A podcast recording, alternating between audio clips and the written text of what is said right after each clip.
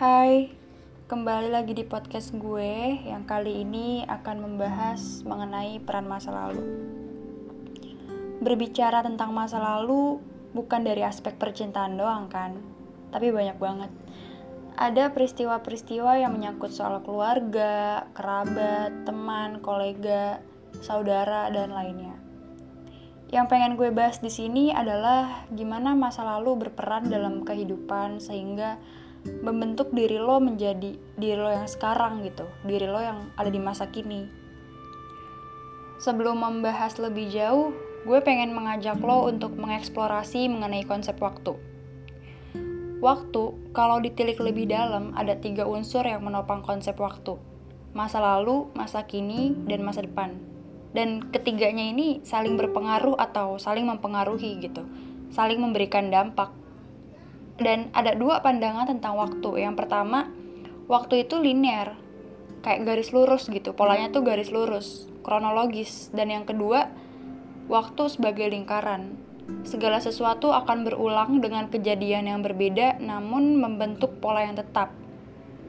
Jadi lo mengalami suatu hal yang berbeda dengan sensasi yang berbeda juga.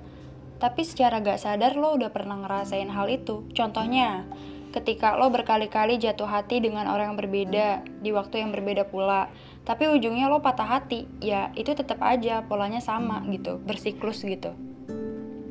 Nah, kalau kita lihat di dalam kehidupan nyata, ketiga unsur yang menopang konsep waktu itu masing-masing punya sudut pandang dalam kenyataan. Masa lalu, kenyataannya nggak ada gitu cuma terjadi dan terlintas di dalam pikiran kita masing-masing karena masa lalu itu hanya sebentuk ingatan atas peristiwa yang udah gak ada lagi. Terus masa depan? Masa depan tuh juga gak ada karena masa depan hanya bentukan dari harapan dan bayangan semata.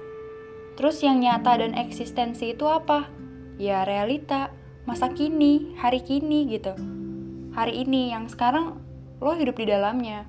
Bisa dibilang masa kini adalah masa depan dari hari kemarin. Sekarang kita udah paham dan tahu nih kalau yang nyata secara tepat dan alamiah yaitu masa kini. Pernah gak lo denger guru-guru lo, temen lo, atau orang tua lo, motivator atau siapa pun itu bilang begini, kamu tuh dari sekarang harus belajar dengan giat biar masa depan kamu cemerlang. Atau pertanyaan, di masa depan nanti kamu mau jadi apa? Gitu. Terus pernah nggak sih terlintas pertanyaan satu aja? Hari esok kan termasuk masa depan.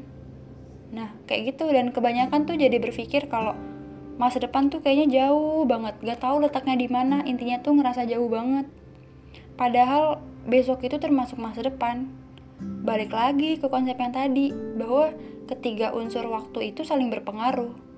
Apa yang lo perbuat di hari ini akan berefek untuk hari esok dan apa yang lo lakuin hari ini adalah cerminan masa depan lo. Evaluasi deh kalau lo ngerasa tiap hari lo tuh gak produktif. Dari bangun tidur sampai tidur lagi.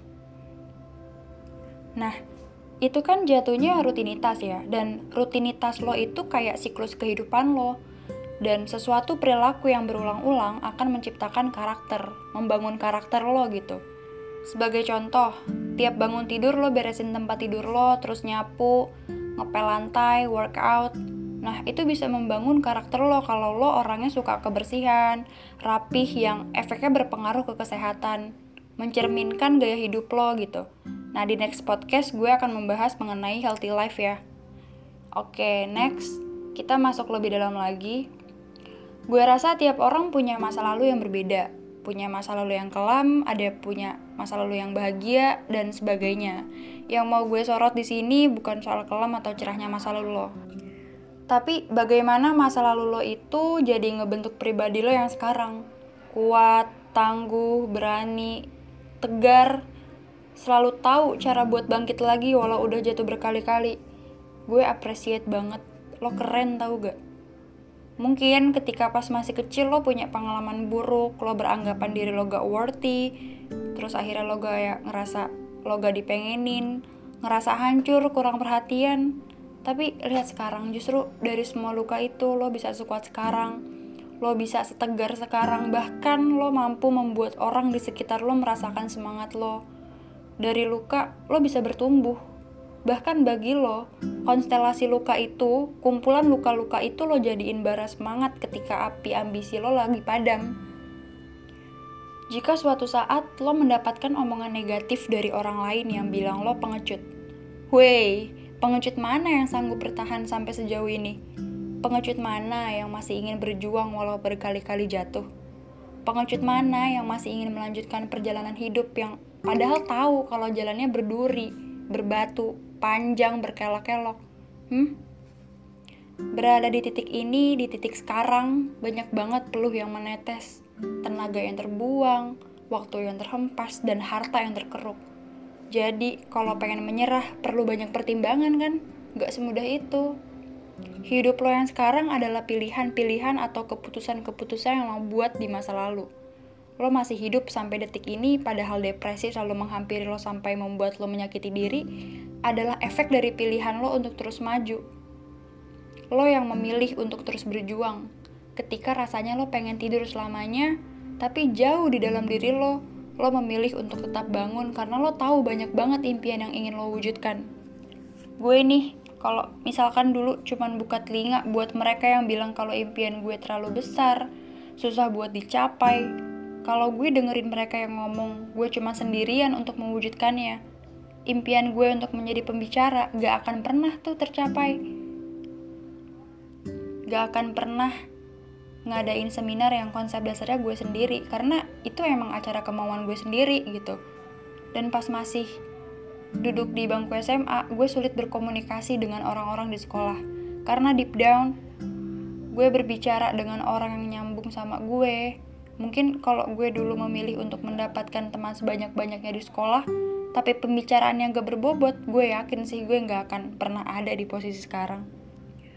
Lo pun juga seperti itu, ada kesempatan yang gak lo ambil di masa lalu karena lo tahu kesempatan itu gak kompatibel sama konsep diri yang lo punya. Jika kesempatan yang tersaji gak berefek buat lo, maka lo yang harus menciptakan kesempatan itu. Terakhir, lo emang gak bisa mengubah masa lalu, tapi lo bisa mengubah cara pandang terhadap masa lalu yang lo punya untuk refleksi diri lo, untuk mengevaluasi diri lo di masa kini yang tujuannya mempersiapkan masa depan yang lebih baik. Lo gak bisa menyingkirkan fakta bahwa luka, kesedihan, kesakitan, kepedihan, keperihan, dan segala konstelasi nestapa akan selalu hadir di waktu yang tepat yang tujuannya gak lain gak bukan mendorong lo untuk menjadi dewasa. Semangat terus, perkuat mental lo, ciptain goals atau tujuan lo, karena tujuan lo bisa menjadi reminder ketika lo sedang ingin menyerah. Sekian dari gue ya, makasih banyak udah dengerin. Sekali lagi, semangat! Bye!